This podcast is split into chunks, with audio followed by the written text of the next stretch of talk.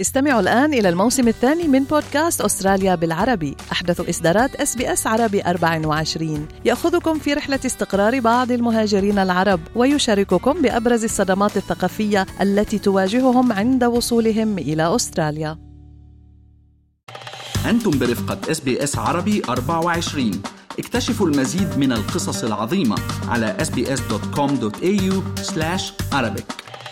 وصول قاربي هجرة غير شرعيين يقلا أو أقلا طالبي لجوء إلى أحد شواطئ ولاية غرب أستراليا وبالتالي اشتعل الجدل السياسي حول سياسة اللجوء ومعاملة الأشخاص الذين يصلون بالقوارب طلبا للحماية. بالفعل فارس يعني خرق حدودي تراشق تهم ووصل ما لا يقل عن 40 رجل. يعتقد أنهم من بنغلاديش والهند وباكستان بالقارب إلى ساحل كيمبرلي الشمالي. لم تذكر قوة الحدود التفاصيل واكتفت بالقول بأنها كانت تقوم بعملية في شمال غرب أستراليا. رئيس الوزراء أنثوني البنيزي موقفه كان واضح وقال إن سياسات اللجوء الأسترالية لم تتغير وتابع موقفنا بشأن عملية الحدود السيادية واضح للغاية والأشخاص اللي عم بيحاولوا الوصول لأستراليا بالقوارب لن يستقروا هنا. لكن زعيم المعارضة ووزير الداخلية السابق بيتر دوتن قال أن حكومة حزب العمال فقدت السيطرة على حدود البلاد. دوتن قال أعرف بالضبط كيف يعمل مهربو البشر. هم يراقبون رئيس وزراء ضعيف. آه، وإذا رأوا نقاط ضعف فسوف يستغلونها.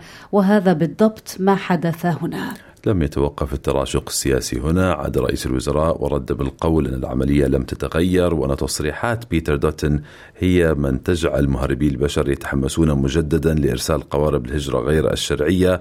ما هي عملية الحدود السيادية Sovereign Borders يا ترى؟ وما أبرز ملامح سياسة أستراليا في هذا الملف؟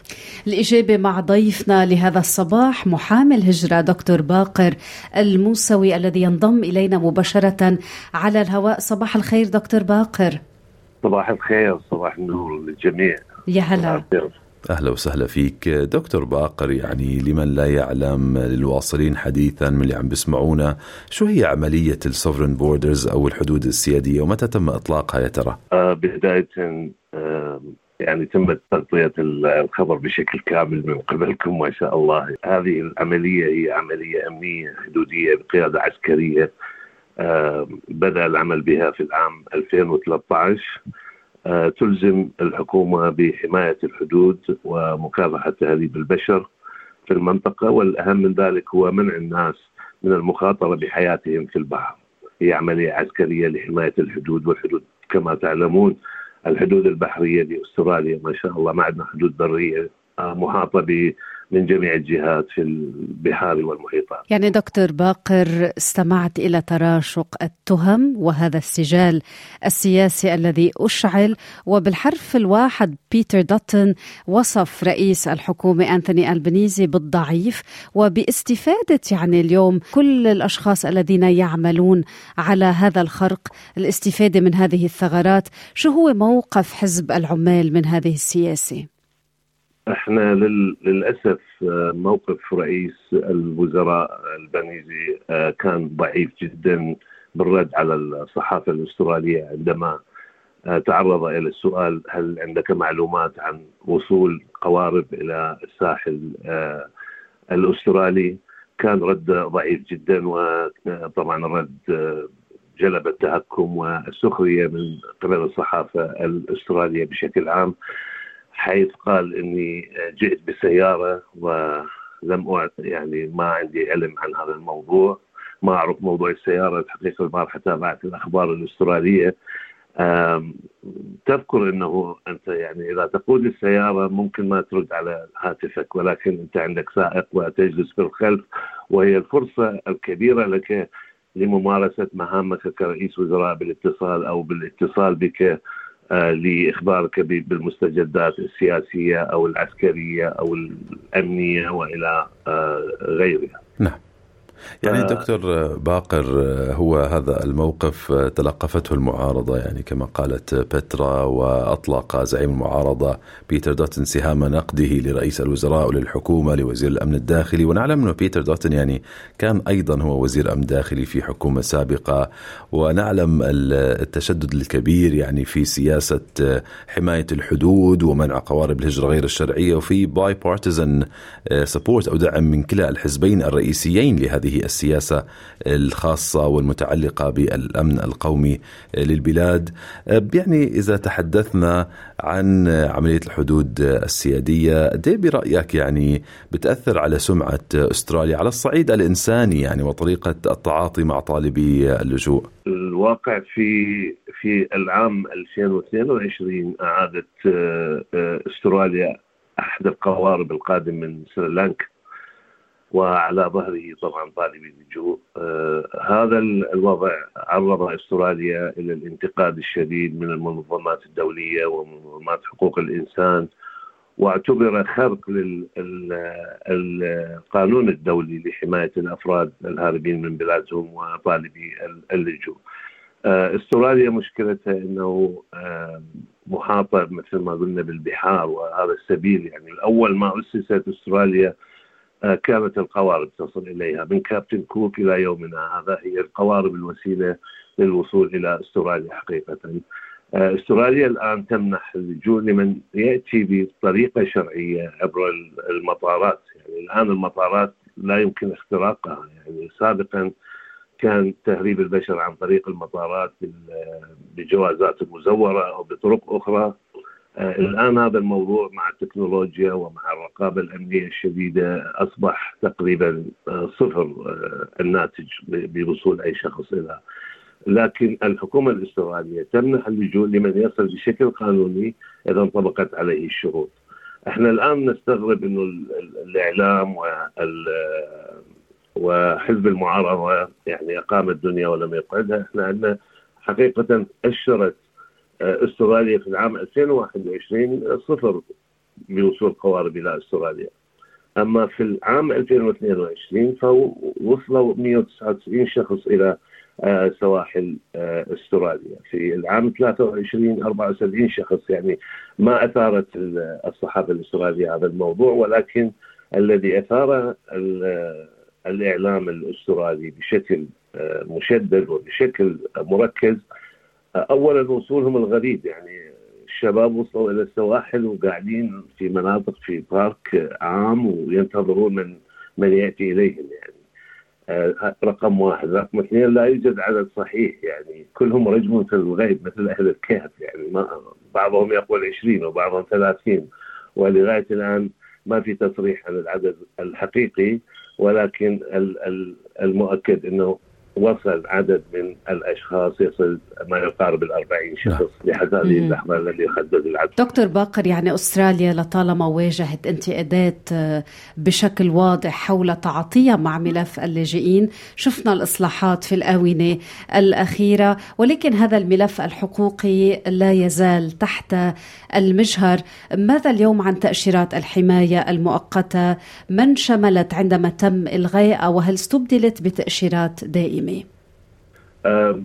واقعا نعم تم استبدالها أو منح آه، المتحصلين على تأشيرات مؤقتة آه، تم استبدال هذه التأشيرات إلى تأشيرات دائمية طبعا لم تتم تغطية جميع آه، المتقدمين على هذه التأشيرة لحد الآن في طور تكملة العدد شملت اللي تم تقييمهم كلاجئين والذين وصلوا إلى أستراليا قبل تاريخ 19 آه، جولاي 2013 آه، لأن بعد كما تعلمون تم ترحيل القادمين إلى جزر آه، خارج أستراليا وإلى بابا نيوغينيا وإلى جزيرة مانوس وغيرها من الأماكن وبدأت مرحلة توطينهم في في دول ثالثة يعني كأمريكا وكندا ونيوزيلندا.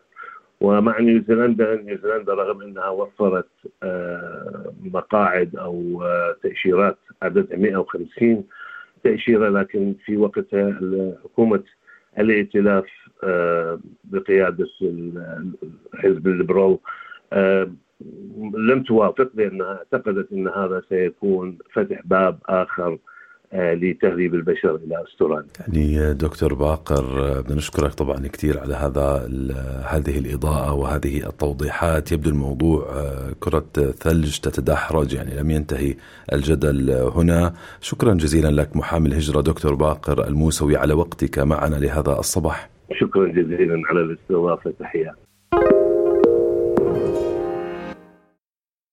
فارس كان أكد رئيس الوزراء أنثوني ألبنيزي أنه تحدث يعني شخصيا مع قائد عملية الحدود السياسي السيادية وهي عملية أمن الحدود التي يقود الجيش الأسترالي بعد ورود تقارير عن العثور على ثلاث مجموعات من القوارب الوافدة. ولكن بعد تصريحات وردت على لسان زعيم المعارضة بيتر دوتن أن الحكومة لم تدعم هذه العملية ونتحدث عن عملية الحدود السيادية. أو Sovereign Borders لم تدعمها بما يكفي عاد رئيس الوزراء واتهم زعيم المعارضة بأنه بهذه التصريحات يقوض أمن الحدود خلينا Peter Dutton is uh, someone who is showing uh, with his overblown rhetoric and with his overreach on this issue, showing that he's not interested in outcomes or in the Australian national interest. As usual, he's just interested in politics. يعني استمعنا بشكل واضح لأنثوني البنيزي لرئيس الوزراء الذي قال أنه هذا الخطاب المبالغ فيه تجاوز هالقضية ويقع في الخانة السياسية كالعادة داتن مهتم فقط بالسياسة. طبعا لم يتوقف السجال هنا وزعيم المعارضة بيتر دوتن وهو زعيم حزب الأحرار والائتلاف المعارض تحدث عن موضوع الانتخابات الفرعية أيضا. وأن رئيس الوزراء يحاول أن يسجل انتصارا على هذا الصعيد لنستمع لما قاله داتون ونعود لنفند ما قاله The fact is that Anthony Albanese has never believed in Operation Sovereign Borders. He has always fought hard against it. We know that in the last budget, uh, on a cumulative basis, $600 million has been taken from Border Force and from Operation Sovereign Borders. As the Australian Border Force Commissioner points out, they are stretched. And I don't know whether the same level of surveillance is being undertaken as was the case when we were in government, but it's inconceivable that these boats would get through without being detected. إذا استمعنا لزعيم المعارضة بيتر داتن يلي قال حقيقة أنه البنيزي لم يؤمن أبدا بعملية الحدود السيادية حيرب بشدة ضدها. نحن نعلم أنه الميزانية الأخيرة على أساس تراكمي تم أخذ 600 مليون دولار من قوة الحدود ومن عملية الحدود السيادية. يعني عادت قوة الحدود وتحدثت باسم الأدميرال وقالت أن العملية لم تتغير يعني تمشي وتسير كما كانت في ظل الحكومة الائتلافية السابقة.